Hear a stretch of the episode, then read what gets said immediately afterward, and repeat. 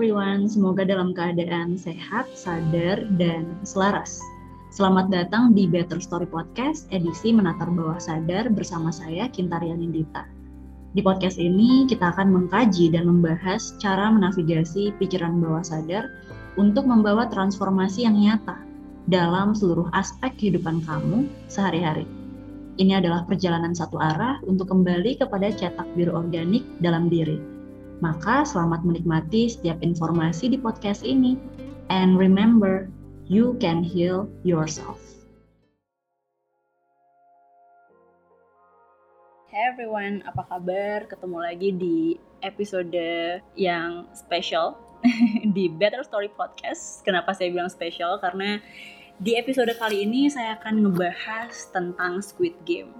Ini adalah salah satu uh, pembahasan yang paling banyak di request, diminta karena kita tahu film Squid Game juga lagi viral banget belakangan ini.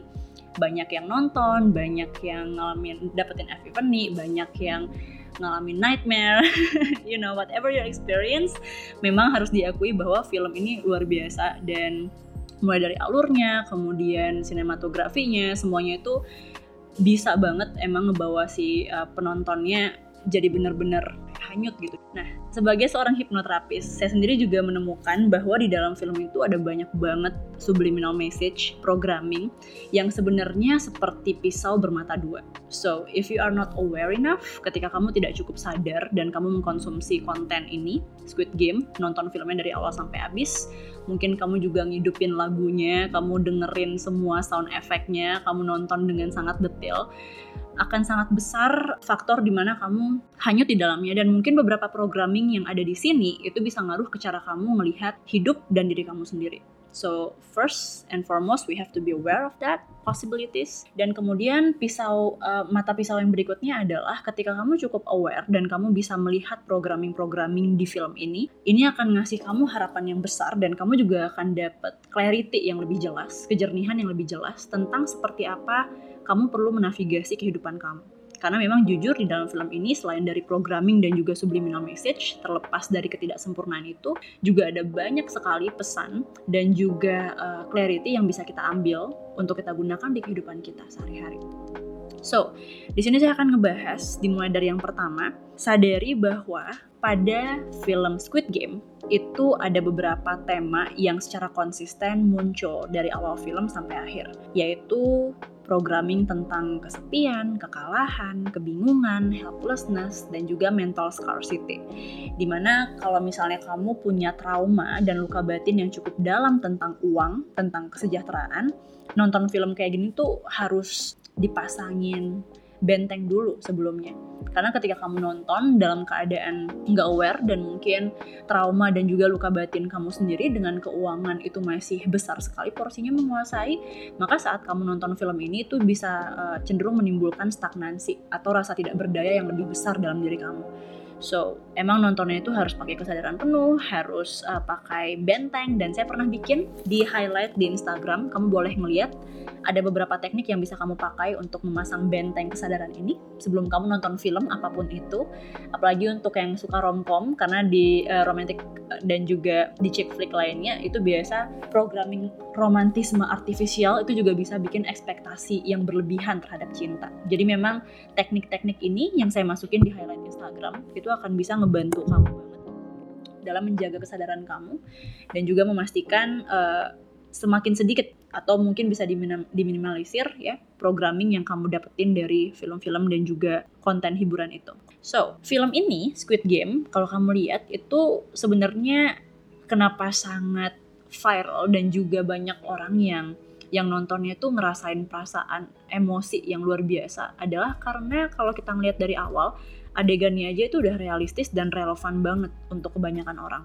Di mana kalau kamu lihat di awal-awal uh, film di awal-awal cerita dimulai itu kita langsung dikasih lihat ya tentang tipikal keluarga Asia yang gak punya kedekatan emosional sehingga setiap anggota keluarga ngerasa sendiri dan kesepian. Ini kita lihat di banyak keluarga yang digambarkan di tokoh-tokoh mulai dari Gihun, kemudian Sangwo, dan juga keluarga-keluarga yang lain. Dan tipikal keluarga ini sebenarnya inilah yang menjadi akar dari kenapa tokoh-tokoh ini bisa memiliki kepribadian seperti yang digambarkan di film. Oke, okay? di mana mayoritas dari mereka itu tumbuh dibesarkan dengan tuntutan yang besar untuk membuat orang tua bangga atau mungkin untuk menanggung kehidupan keluarganya dalam konteks kebutuhan emosionalnya sendiri nggak terpenuhi. Ketika kita melihat tokoh-tokoh ini mulai dari Gihun, kemudian Sangwo, kita lihat satu yang pertama yang bisa saya tangkap adalah mereka punya pressure yang luar biasa besar dalam kehidupan dan ini yang sebenarnya menjadi akar dari escapism mereka. Dan escapism di sini atau kebiasaan untuk lari dari emosi dan juga uh, masalah yang sebenarnya lebih dalam di kehidupan itu muncul hampir setiap tokoh dalam bentuk yang berbeda-beda. Jadi kalau Gihun sendiri dia larinya itu ke judi ya. Kita bisa lihat dari awal film dia uh, hobi banget main judi Kemudian kalau Sangwo sendiri mungkin dia uh, lebih kepada kecanduan berbisnis, tapi saking recklessnya dia sampai kalah banyak juga dan pada akhirnya punya hutang yang luar biasa besar. Kemudian kalau kita lihat di tokoh yang lain itu uh, macam-macam variasi escapismnya. Ada yang suka alkohol, kemudian ngerokok dan lain-lain. Dan satu yang pasti semua tokoh-tokoh ini kita perhatikan juga cenderung hidup di lingkungan yang toxic nggak punya keterampilan emosi dan komunikasi yang mumpuni dan ini yang menjadi akar dari kekalahan mereka di kehidupan. Mereka merasa kalah di kehidupan, mereka nggak tahu apa yang harus mereka lakukan, they don't feel connected enough with themselves. Dan ketika seseorang tidak cukup terhubung dengan seluruh keberadaan dirinya, dimulai dari emosi, karena kalau kamu perhatiin dari awal film sampai akhir, itu sedikit sekali tokoh ataupun adegan yang menunjukkan di mana tokoh-tokoh ini ngomong tentang perasaan mereka oke okay, ngomong tentang emotional state-nya dan mereka nggak ngebahas tentang apa yang mereka rasakan pada saat sebuah momen yang cukup momentum itu terjadi you know they talk so little about emotions dan selalu yang dipakai itu adalah uh, analisa gitu. Di mana di sini kita bisa menangkap bahwa memang mayoritas dari tokoh-tokoh ini sendiri juga nggak terlalu terhubung dengan aspek emosinya. Kecuali Gihun ya, nanti kita akan bahas soal Gihun. Gihun ini uh, merupakan salah satu tokoh yang punya kecerdasan emosional yang lumayan tinggi dibandingin dengan tokoh yang lain. Tapi satu yang pasti pada akhirnya kita melihat bahwa rasa takut untuk menerima dan mengakui emosi. Kebiasaan menghindari emosi inilah yang pada akhirnya memang menjadi awal dari ketergantungan setiap tokoh yang ada di film gitu mulai dari judi, alkohol, rokok dan lain-lain. Dan kemudian programming berikutnya yang saya tangkap dari awal film adalah tentang body neglect atau yaitu kebiasaan untuk uh, mengabaikan tubuh dan kalau kita lihat di setiap adegan makan itu kita jarang banget menemukan porsi makanan yang sehat atau mungkin ditunjukin bahwa makanan yang mereka makan itu menutrisi tubuh dan jiwa mereka. Karena dari awal film aja kita udah bisa ngelihat yang biasa dimakan itu kayak ramen, instant noodles yang mungkin di uh, dipakai buat cemilan tanpa dimasak gitu ya, kayak cuma ditaburin micinnya doang terus dimakan. Tipikal jajanan uh, Asian. Oke, okay, dan kemudian street food juga banyak dan juga makanan instan yang tinggi proses. Kemudian minumnya kalau kita lihat dari awal sampai habis itu juga cuma soda, alkohol, soda, alkohol. Jarang banget ada adegan mereka minum air putih atau jus dan smoothies. Well of course, karena mayoritas um, tokoh di sini juga kita lihat mereka dibesarkan di keluarga yang nggak stabil dan nggak sehat, nggak fungsional sehingga mereka sendiri juga nggak familiar dengan konsep merawat tubuh dan jiwa. Dan ini kenapa banyak aspek kehidupan mereka juga berantakan karena memang childhood emotional neglect Oke, ciri dari pengabaian emosional dan juga pengabaian pada saat kecil itu ada banyak di diri setiap tokoh. Dan unsur yang paling pertama itu kita lihat dari makanan dan cara para tokoh itu merawat diri mereka sendiri sehari-hari. Jadi ini adalah resemblance yang mereka punya, kesamaan yang mereka punya. Oke, untuk film Squid Game ini bisa ada, harus ada dua syarat. Yang pertama adanya para pemain dan kedua adanya para fasilitator atau tokoh-tokoh yang pakai baju pink. Kalau kamu lihat mereka yang bawa simbol segitiga, rectangle, kotak dan juga uh, circle ya bulat. Mereka adalah para fasilitator yang yang itu tuh kalau kamu lihat dari awal film sampai akhir mereka adalah individu yang sangat kaku, sangat disiplin dengan kepatuhan tingkat tinggi, nurut banget uh, dan sangat melekat lebur dengan sistem dan kalau kita mengacu kepada teori psikologi, sebenarnya untuk bisa berada di tahap seperti itu, seseorang juga harus cukup kuat untuk meneglect atau mengabaikan faktor emosi yang mereka punya. Karena contoh pada beberapa uh, adegan kita ngelihat ada banyak pemain yang memohon, kemudian mereka juga menunjukkan uh, desperationnya, mereka stres banget. Dan untuk melihat seperti apa normalnya manusia. Harusnya ketika seseorang menunjukkan emosi yang sangat vulnerable, rentan kepada kita, itu pasti tanpa sadar akan membangkitkan uh, emosi yang sama. Karena manusia itu punya kemampuan untuk nge-mirror perasaan orang lain. Gitu. Yang artinya untuk mereka bisa nge-turn off faktor emosi ini mereka juga harus punya luka batin yang banyak banget yang bikin mereka juga terpisah dari aspek emosi yang bikin mereka nggak punya empati lagi ke setiap pemain. Sehingga mereka juga nggak pernah bisa melakukan negosiasi atau mungkin mereka juga takut dengan sistem yang memang uh, luar biasa kuat. Dan luka batin yang ada di sini salah satunya adalah kebutuhan yang besar untuk memiliki kendali atas hidup orang lain yaitu sense of power and control yang mereka dapetin sebagai para fasilitator. Walaupun kalau kita lihat dari awal uh, film sampai di akhir itu di prosesnya mereka juga suffering dan terpenjara dalam kepatuhan dan konformitas itu sendiri. Tapi mereka sendiri juga nggak punya pilihan karena mayoritas dari mereka juga sangat takut untuk um, bertindak dan juga membuat keputusan di luar dari sistem yang sudah terbangun dengan begitu kuat. Oke, okay, dan syarat pertama adalah tentu si para pemain yang baju hijau ya di mana mereka ini uh, digambarkan merasa kalah babak belur dengan kehidupan karena konsep diri yang blur.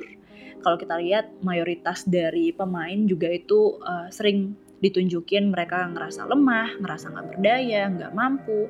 Mereka hidup dalam persaingan yang tinggi, ketakutan, survival. Kayaknya tubuhnya itu selalu berada dalam kondisi stres dan juga fight or flight. Dan tujuan dan makna hidup yang kabur banget uh, karena ketutup luka batin dari keluarga, dari orang tua dan konformitas yang gak sehat ini, inilah yang menjadi alasan dan jawaban kenapa mereka bisa akhirnya terjebak di game ini. Walaupun beberapa dari mereka juga lahir di keluarga yang lumayan Kemudian kalau kita melihat salah satunya tokoh Sangwo juga dia sempat sukses walaupun pada akhirnya uh, hutangnya banyak banget ya karena bisnis yang gagal gitu. Tapi memang ada resemblance-nya yaitu konsep diri yang blur sehingga mereka sendiri juga nggak nggak cukup terhubung dengan uh, kebijaksanaan atau innate wisdom dalam diri mereka. Dan di sini kita ngomongin soal Gihun, ini adalah tokoh favorit saya, si pemenang tentu saja pemeran utamanya. Karena Gihun ini ketika saya nonton dan ngelihat karakternya, ngebedah karakternya, karakter Gihun inilah yang bikin saya semangat banget untuk melanjutkan modul MBS, menatar bawah sadar dan juga fokus ke terapi. Karena Gihun ini adalah contoh dari manusia dengan potensi yang luar biasa. Dia punya kasih sayang yang besar dalam dirinya, tapi sekali lagi dia sendiri juga dibesarkan di lingkungan yang disfungsional dan penuh luka. Karena kita bisa melihat dari awal banyak banget informasi tentang masa kecilnya Gihun, di mana dia lahir di keluarga dengan kesulitan ekonomi, keluarganya emang udah sulit ya dari kecil, sehingga dia sendiri juga mungkin punya banyak mental block dan juga uh, programming tentang keuangan itu sendiri.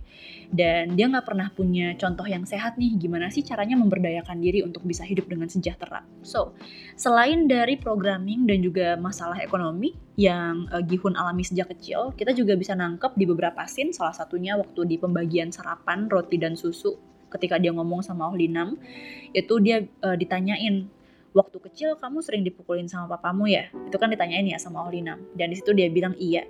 Di situ kita tahu bahwa sejak kecil dia sendiri juga familiar dengan uh, physical dan emotional abuse, sering direndahkan, dipukulin sama ayahnya, dan tentu punya kesulitan, masalah kesulitan belajar sepanjang sekolah.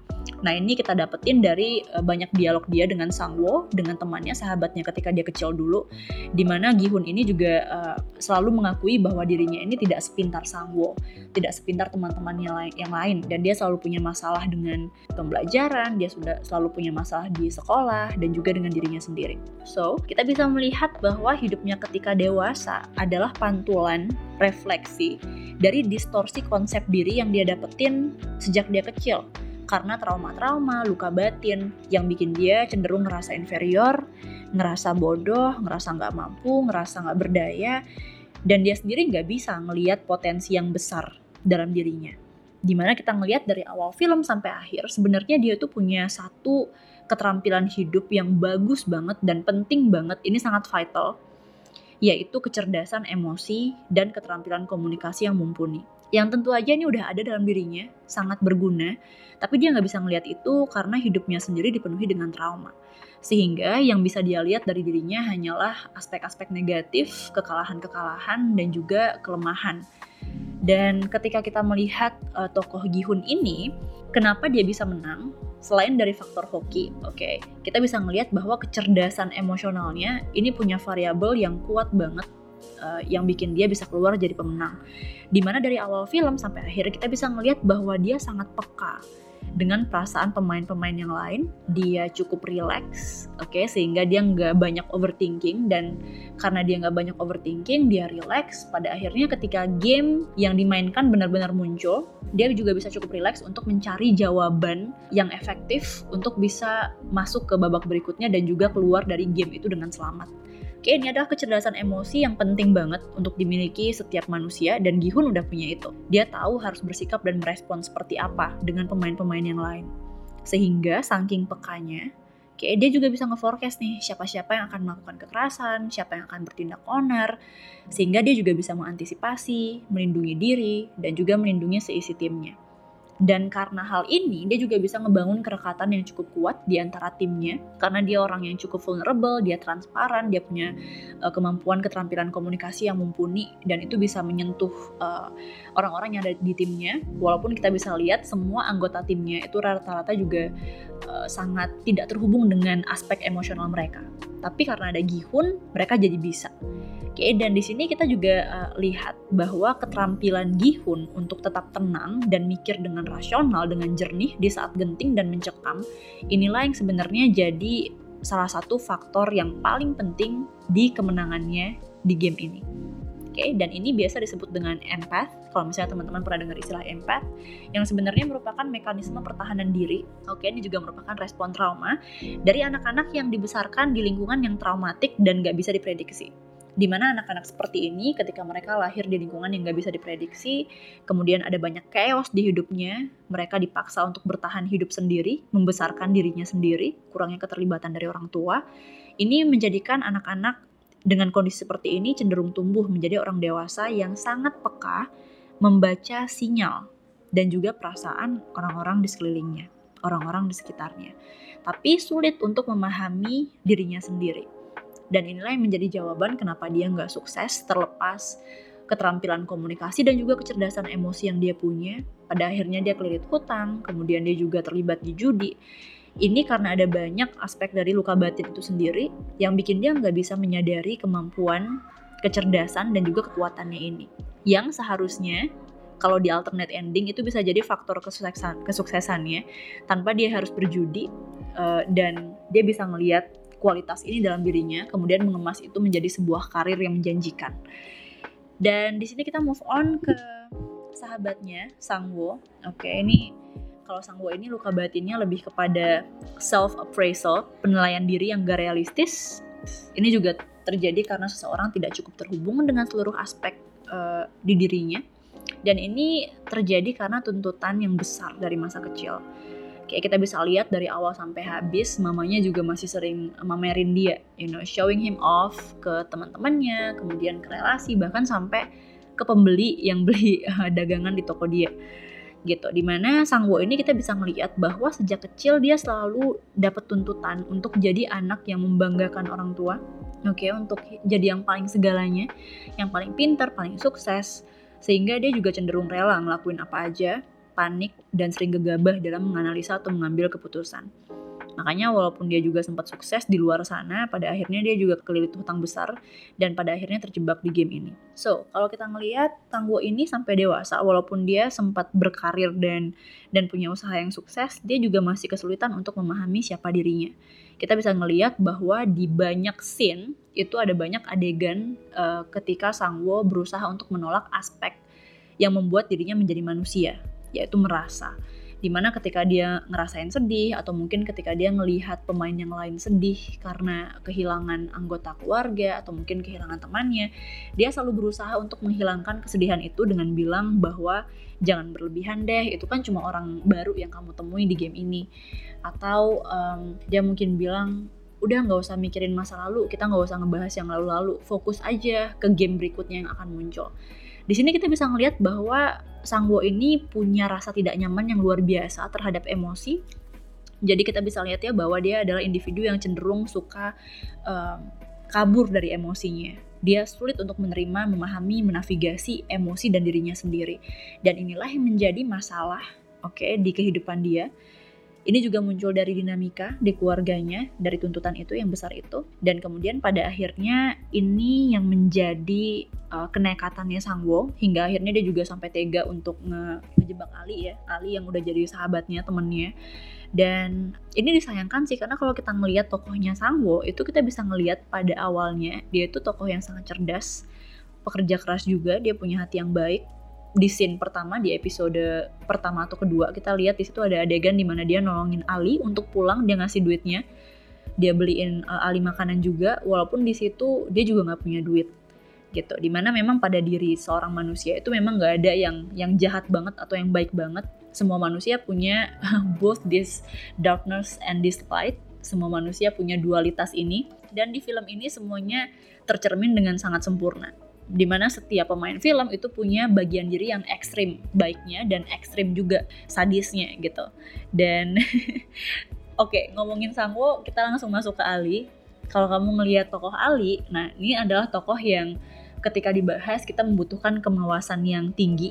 Karena melalui tokohnya itu diselipkan banyak sekali programming dan salah satunya adalah programming bahwa menjadi manusia yang baik itu akan membunuh. Okay, kita bisa lihat bahwa pada akhirnya Ali itu um, meninggal terbunuh di game ini karena dia sendiri ditipu sama Sangwo di permainan guli dan kalau kita perhatikan sebenarnya bukan bukan karena dia baik dia uh, terbunuh di game ini di film ini. Tapi karena dia cenderung naif dia ragu-ragu dan batasannya itu lemah banget. Kita bisa ngelihat sebenarnya waktu pertama dia dijebak sama Sangwo di permainan guli, dia sendiri udah punya intuisi bahwa dia dibohongi. Tapi satu, dia beranggapan bahwa semua orang berpikir dan merasa seperti dia, yang sangat baik, nggak akan pernah memanfaatkan siapa pun, nggak akan pernah uh, nyakitin dan juga mencurangi siapa pun. Oke, okay, dia lupa bahwa dia sedang di game di mana mayoritas pemainnya itu punya luka batin dan juga masalah emosional yang kompleks. so he trust people too much in this case. Dan kedua, dia takut untuk menetapkan batasan dan bilang enggak ke orang, alias nggak enakan. Kita bisa ngelihat di sini ada banyak adegan di mana dia cenderung nggak enakan, suka ngalah, dan ini yang pada akhirnya juga membunuh dia dan terakhir adalah kebiasaan untuk mengabaikan intuisi. Kayak karena dia lebih peduli juga dengan pandangan dan penilaian orang lain dalam hal ini Sangwo. Dia nggak mau uh, kelihatan sebagai teman yang egois, teman yang jahat, karena di situ Sangwo juga dihadapkan dengan kemungkinan bahwa dia akan mati di game itu karena Ali menang, karena uh, keberuntungannya. Okay, padahal Ali sendiri nggak pernah belajar main guli. Dia dibesarkan di India, dia nggak pernah main permainan yang ada di game Squid Game itu karena permainan di Squid Game itu kan permainan anak-anak di Korea ya. Jadi di situ Sangwoo lumayan shock dan mungkin dia cenderung sombong, dia cenderung um, over confident sehingga itu yang menjadi kekalahan dia. Nah, di sini ketika pada akhirnya Sangwoo menjebak Ali karena ketakutan yang luar biasa untuk mati, inilah yang menjadi uh, diawali dari manifestasi trauma yang Ali punya yaitu kebiasaan untuk mengabaikan intuisinya kemudian bilang nggak enak uh, bilang enggak ke orang lain tuh dia nggak enak dan kemudian dia beranggapan bahwa semua orang berpikir merasa seperti dia. Jadi ingat teman-teman bahwa programming di sini ini perlu kita kita belah dengan sangat aware bahwa bukan kebaikan yang mencelakai, tapi ketakutan dan kebiasaan untuk melawan intuisi kita sendiri. So you can be a good person but still good with boundaries. Kamu bisa menjadi orang yang baik tapi tetap punya batasan yang jelas. Kamu tetap bisa jadi orang yang baik tapi juga nggak dimanfaatkan. Jadi menjadi seorang yang baik, seorang individu, seorang manusia yang baik itu tidak sama dengan menjadi individu yang lemah dan juga selalu bisa dimanfaatkan. Oke, okay, this is completely different story. So, kita masuk ke tokoh berikutnya yaitu Saibyok. Oke, ini cewek cantik yang cewek cantik yang banyak banget uh, nanyain tokohnya. Di mana Saibyok ini digambarkan perempuan sebagai perempuan yang cerdas sebenarnya ya, baik hati, berani, dia penyayang keluarga, tapi sekali lagi babak belur dihajar kehidupan. Di beberapa scene, di beberapa adegan diperlihatkan dari foto dan dialog bahwa kedekatan emosional yang dia punya sama keluarganya itu sangat dalam, terutama sama adiknya yang masih berusia 10 tahun yang dititipkan di panti asuhan. Karena mereka, dia dan keluarganya kabur dari rezim zalim di Korea Utara ke Korsel. Nah di sini juga uh, kemarin ada yang nge-DM saya di Instagram katanya Mbak Kintari hati-hati tuh memang agenda salah satu agenda dari Korea Selatan adalah ingin menunjukkan menggambarkan bahwa Korea Utara itu negara yang kejam dan jahat gitu. Dan oke okay, ini salah satu yang perlu kita pertimbangkan juga karena memang di sini selalu digambarkan bahwa di Korea Utara itu kayaknya penyiksaannya luar biasa sehingga mereka sendiri rame-rame kabur ke Korea Selatan. Dan di situ ceritanya papa Saibyok ini ditembak ketika dia nyebrang sungai di perbatasan, mamanya ditangkap dan dibalikin ke Korea Utara, dan adiknya ikut ke Korea Selatan dan dititip di panti asuhan. Sampai Korsel, sampai Korea Selatan, dia dimanfaatkan sama preman setempat yang kemudian dia ketemu lagi di game ini. dan uh, pada akhirnya dia jadi pencopet untuk bertahan hidup sebelum kejebak di Squid Game. So, kita bisa ngelihat bahwa sepanjang film dia ini adalah pemain yang paling dingin kayak es batu, dia yang paling galak, paling paling uh, stonewall ya. Ibaratnya kalau ada yang ngajak ngomong atau mungkin ingin terkoneksi sama dia, dia selalu menolak mentah-mentah. Dia sangat dingin, membangun benteng yang sangat tinggi. Dan ini sebenarnya uh, ciri yang sangat jelas dari trauma yang berat dia punya trust issue, ketidakpercayaan yang berat, juga ini karena pengalaman hidupnya yang luar biasa uh, traumatik ya. Makanya dia selalu bersikap seperti ini, dingin, kejam, stonewalling, silent treatment, dan gak percaya sama siapa pun kecuali sama Gihun yang itu juga baru muncul, kepercayaan itu baru muncul di akhir-akhir film ketika dia mulai sekarat. Nah, kepribadian dengan benteng yang tinggi ini adalah indikat, uh, indikator individu dengan trauma Oke, dia punya duka yang dalam juga, trust issue yang berat, dan puncak traumanya adalah ketika dia kehilangan sahabat barunya di permainan guli. Jadi cara dia nunjukin kesedihan, dukanya, itu juga dengan marah-marah, ngamuk, kenapa temennya nggak mau uh, kenapa temennya ngalah dan nggak mau bermain dengan benar gitu karena dia sendiri juga nggak tahu gimana caranya menunjukkan rasa sedih kemudian um, rasa sayangnya ke teman barunya itu dan kalau kita ngomongin teman barunya, saya lupa namanya siapa. Kalau kamu tahu cewek yang ngalah untuk Saibyok di permainan guli, perempuan ini adalah simbol dari teori Kubler-Ross, yaitu Five Stages of Grief. Di mana kita bisa ngelihat tokoh ini pada akhirnya ketika dia terbunuh di permainan guli karena kerelaannya untuk mengalah kepada Saibyok, ini muncul dari kemampuannya untuk menerima duka yang sudah dia alami mungkin sejak pertama kali dia datang ke game itu ada bagian dirinya yang tahu bahwa she will not make it, bahwa dia nggak akan keluar hidup-hidup. Dan ketika seseorang sudah cukup legowo ya, ibaratnya dia udah berkontemplasi dengan dalam tentang kematian, kemudian dia sudah rela, maka ini menjadi simbol dari lima tahap duka yang sudah sampai kepada penerimaan penuh atau complete acceptance.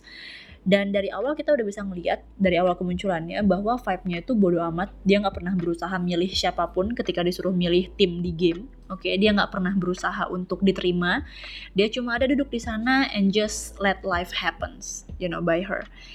Kemudian ini yang menjadi uh, awal ketertarikan Saibyok juga yang pada akhirnya milih dia untuk ngajak dia main di permainan tarik tambang. Dan kita bisa denger dari ceritanya kita bisa dapetin kisah hidupnya bahwa di film ini dia tuh diceritain baru keluar dari penjara. Dia siap mati karena katanya dia juga nggak punya alasan untuk keluar dan tetap hidup. Dan dia bilang dia siap untuk pergi karena sepanjang game dia nggak bisa menemukan alasan kenapa dia pengen keluar dari game ini. Dia nggak kenal cinta dia nggak tahu siapa dirinya dia nggak tahu apa yang dia suka dia nggak punya cita-cita dia nggak punya apa-apa nggak punya siapa-siapa. Dan dia merelakan dirinya untuk kalah karena baginya yang punya alasan lah yang harus keluar dan tetap bertahan hidup. Jadi konsepnya ini tuh kayak pikiran bawah sadarnya yang ingin melanjutkan dan merawat kehidupan dengan caranya sendiri. Yang udah nggak dia rasain lagi dalam kehidupannya sendiri. Yang hanya dia rasakan lewat Cybiok yang ngerasa kayaknya punya harapan bahwa dia punya adik di luar sana, dia punya ibu di luar sana yang harus dia temui lagi. Dia punya mimpi, dia punya cita-cita untuk jalan ke Pulau Jeju dan ini yang menjadi alasan bagi uh, tokoh ini untuk bisa merelakan kematiannya dengan sangat mudah gitu. Di mana kesiapan dan penerimaan ini bikin dia santai banget, relax banget sepanjang game. Dia nggak kelihatan nervous dan takut sama sekali. Dan ini adalah bukti bahwa kualitas hidup seseorang bahkan di akhir hidupnya, itu nggak pernah ditentukan oleh lingkungan eksternal atau seperti apa kondisi di luar dirinya. Melainkan kondisi internalnya, keterhubungannya dengan batin, emosi, perasaan, dan juga kerelaannya sendiri untuk menerima, memaknai situasi dan transformasi. So this is a, a very good observation di mana ketika kita menyadari ada hal ini, kita menyadari bahwa setiap manusia punya kemampuan untuk mentransformasi situasi hanya dengan mentransformasi caranya melihat situasi, kita juga akan bisa melihat kualitas hidup seorang manusia bisa meningkat, terlepas seperti apa pun kondisi di luar dirinya. Oke, okay? dan sekarang kita akan ngebahas tentang satu tokoh yang menurut saya penting banget di film ini, yaitu Oh Lina yang menciptakan game ini kakek tua yang dari awal dengan dengan nomor urut 001 yang bikin kita ngerasain banyak hal Oke, okay, mulai dari kasihan, kemudian uh, sayang, dan pada akhirnya mungkin kesel kalau kamu ngelihat ceritanya sampai habis. Di mana kakek ini digambarkan sebagai pemain yang paling tua, oke, okay, berusia lanjut dan punya masalah demensia, punya keluhan kesehatan. Dan di sini kita lihat bahwa di setiap game sebenarnya udah kelihatan sih ya subliminal message-nya bahwa dia adalah pemain atau pencipta game ini. Di mana di banyak game itu dia selalu bilang bahwa dia suka game ini.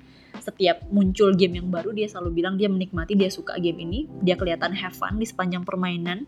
Dan lucunya di uh, adegan Guli itu dia ngeliat kompleks itu ya setting studio itu seperti rumah ketika dia muda dulu jadi ternyata memang uh, ini juga salah satu bentuk subliminal message cara si produser ini mungkin untuk nunjukin ke kita bahwa ya pemain game ini, pemilik game ini adalah dia gitu. Karena dia sendiri yang ngedesain, dia yang ngedesain setting studio itu, dia yang menciptakan game-gamenya. Itu kenapa dia jago hampir di semua game. Utamanya kalau kamu ngelihat adegan Tug of War, ya tarik tambang itu dia ngerti banget gimana caranya memenangkan game itu ngebantu timnya untuk menang dengan teknik yang jelas dan bener banget sehingga walaupun mereka ngelawan uh, mayoritas peserta dengan peserta laki-laki ya dengan tubuh yang gede-gede dan kuat-kuat mereka tetap bisa memenangkan karena teknik yang diajarin sama Ohlina. Dan Olinam juga bilang bahwa waktu kecil dulu dia sempat memenangkan uh, game itu Tug of War tarik tambang walaupun di tim oposisinya itu ada atlet yang dia kenal di sekolahnya dulu. So dari subliminal message ini kita belajar banyak dan cukup detail tentang pemain lanjut usia ini oke okay, yang yang juga pemilik permainan sadis ini di mana sebenarnya kakek ini tuh nggak jahat. Dia bukan tokoh yang jahat dia ya mungkin dia sadistik tapi dia nggak jahat di mana dia adalah korban dari masa kecil dan masa lalu yang juga penuh dengan kepahitan. Kita bisa lihat dari cerita dia suka sekali nge-recall cerita-cerita lama kisah hidupnya dulu di mana kita bisa tahu bahwa dia punya banyak penyesalan dalam hidupnya utamanya dengan relasinya dengan keluarga dan juga ada banyak kepahitan kesepian di hidupnya yang dia rasakan bahkan di akhir kehidupannya ketika tua Beberapa di antaranya adalah dia juga sering mukul anaknya pada saat anaknya kecil. Ini kita lihat dari uh, percakapannya dengan Gihun pada saat pembagian sarapan, adegan roti dan susu. Oke, okay, kemudian dia juga sering melewatkan ulang tahun anaknya saat dia muda dulu karena sibuk bekerja. Ini kita dapat di dialognya pada saat permainan guli. Dan juga kita bisa lihat bahwa di akhir film, walaupun dia sangat sukses ya secara finansial, dia kaya raya luar biasa sampai bingung duitnya mungkin mau diapain dan pada akhirnya menciptakan game yang freak ini, kita bisa lihat bahwa nggak ada satupun anggota keluarga yang menemani Olina. Jadi di ruangan itu ketika dia menghembuskan nafas untuk terakhir kalinya, yang dia temui adalah Gihun dan yang nungguin dia di sana hanyalah frontman-nya atau pekerja yang paling dia percaya. Oke, nah nonton adegan ini perlu benteng yang tinggi. kita perlu kesadaran, kita perlu mawas diri. Kenapa? Karena melalui programming ini melalui adegan ini bisa muncul mental block atau programming di mana kita akan cenderung meyakini bahwa kesejahteraan dan kesuksesan itu akan membuat kita menjadi kesepian dan terasing dalam kehidupan. Padahal sebenarnya bukan kesejahteraan dan bukan kesuksesan yang bikin manusia ngerasa kesepian, terasing dari keluarga atau orang-orang yang dicintainya. Melainkan karena trauma, pengabaian emosi dari masa kecil, masa lalu yang membuatnya sulit terkoneksi dan berkomunikasi sulit mencintai, sulit dicintai, dan bahkan sulit untuk terhubung dengan keluarga, istri, anaknya sendiri. Oke, padahal dengan uang sebanyak itu kalau dia datang terapi mungkin sama keluarganya, ya ending kehidupannya nggak perlu setragis dan sesedih ini. Karena ketika seseorang berani untuk menghadapi traumanya dari masa kecil, masa lalu, menavigasi kembali kesadarannya, terhubung kembali dengan seluruh aspek kehidupan dan dirinya, maka dia akan punya keterampilan untuk terkoneksi dengan dirinya sendiri, dengan orang-orang yang dia cintai, memenuhi seluruh kebutuhan batinnya yang terlewat pada saat dia kecil dulu, dan inilah yang akan membuat masa tuanya diisi oleh makna hidup yang sejati. Seluruh aspek kehidupannya akan terintegrasi dan justru makna hidup yang paling besar itu akan muncul dari hasrat untuk membangun, merawat, dan mendidik generasi di bawahnya yang nggak kita lihat sama sekali di film ini. Oke, dia sibuk dengan dirinya sendiri, dia sibuk mengisi kekosongan dirinya dengan menciptakan game ini. Dan di programming ini juga bisa muncul keyakinan bahwa uang itu bisa menjadi sesuatu yang uh, mempersulit kita. Kayak kesejahteraan itu bisa menjadi sesuatu yang menyakiti kita karena di game uh, di di akhir film Oke, di game ini dia cerita bahwa dia menciptakan game ini bersama dengan klien-kliennya, rekan-rekan bisnisnya yang juga sangat kaya raya karena mereka ingin mencari kesenangan di tengah kebosanan dan kehampaan yang mereka rasakan dengan uang sebanyak itu.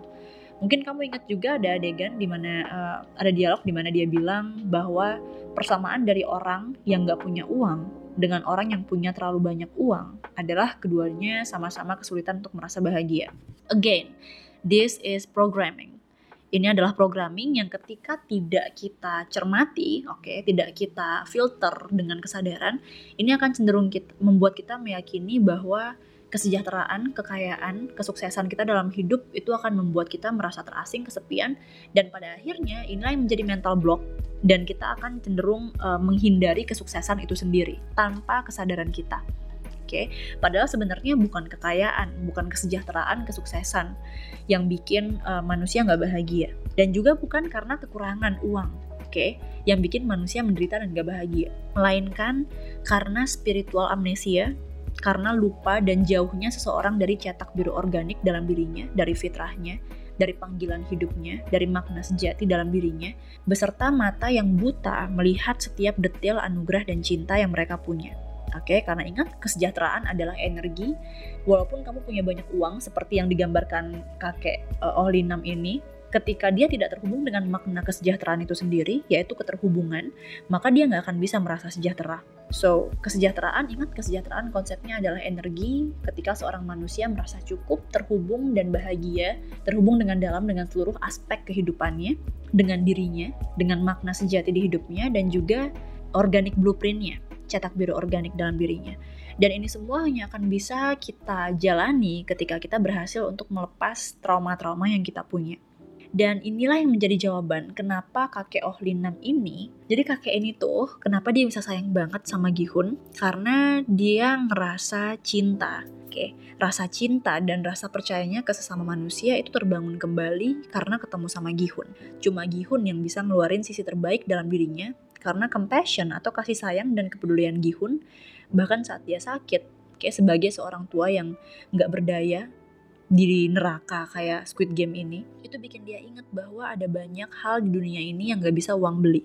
Salah satunya adalah kasih sayang keterhubungan kemudian um, koneksi dengan manusia yang lainnya. Dan ketemu Gihun ini bikin dia bener-bener ngerasa dilihat, diterima, dikasihi hanya sebagai Olinam. Oke, okay, seorang kakek tua yang demensia, yang gak berdaya, gak punya apa-apa. Karena cuma Gihun yang nunjukin compassion ini, yang bisa menghidupkan perasaan ini.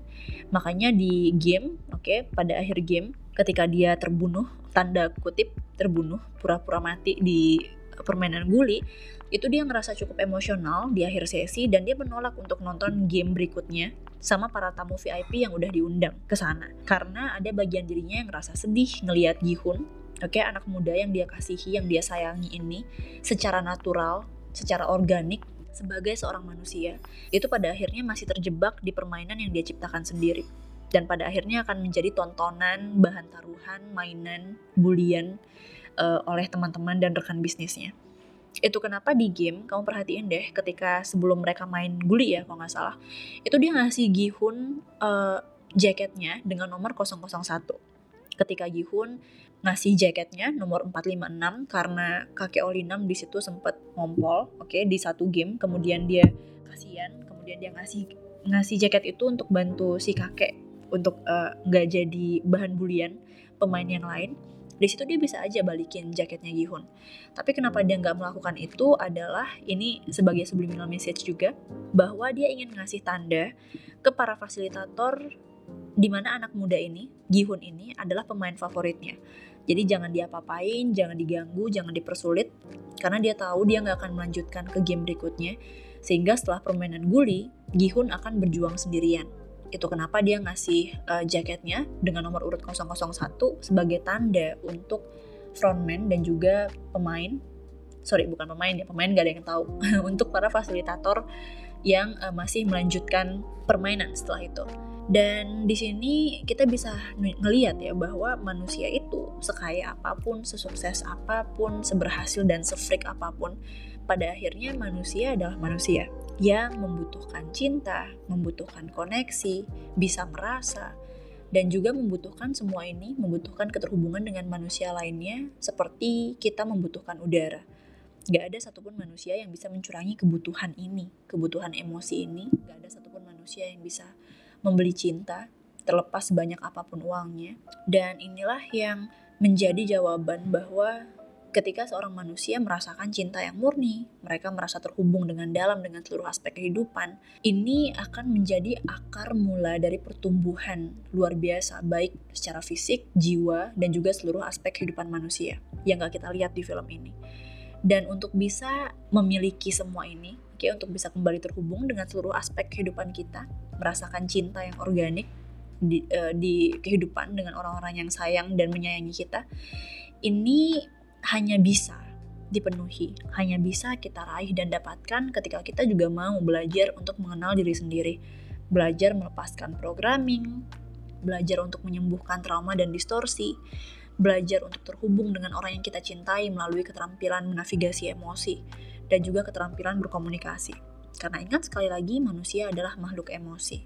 So, kalau kita ngelihat seluruh programming di film ini dari awal sampai habis, sebenarnya ketika eh, kita ingin menciptakan alternate ending nih di kepala kita sendiri, bisa aja sebenarnya endingnya uh, jadi jauh lebih bahagia dan gak harus setragis sesadis ini.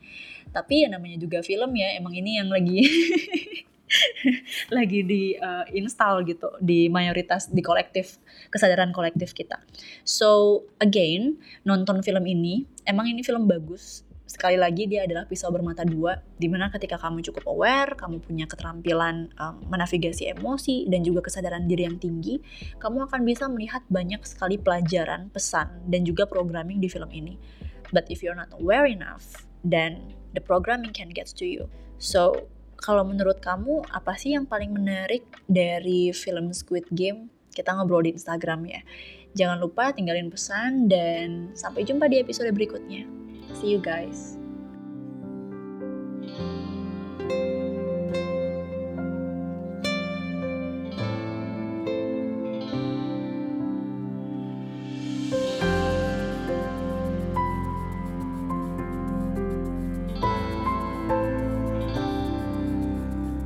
So thank you everyone for listening to this podcast. Dan kali ini saya bawa kabar gembira di mana untuk kamu yang udah nanyain tentang pelatihan hipnoterapi dari bulan lalu atau mungkin tahun lalu kali ini kamu akan dapetin kesempatan untuk belajar langsung dari Ibu Natalia Sunaidi dari Natalia Sunadi Institute di mana Ibu Natalia Sunadi akan datang ke Medan bulan November ini untuk ngajar langsung hipnoterapi level basic dan advance.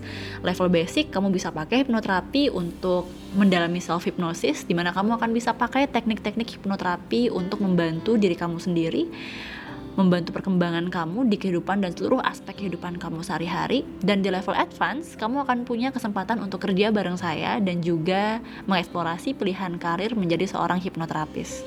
Maka silahkan pergi ke akun Kintaridita, cek klik link di bio saya dan di sana kamu akan dapetin pilihan untuk mendapatkan informasi lebih lanjut tentang pelatihan hipnoterapi ini. So, sampai jumpa di sesi dan selamat mengeksplorasi.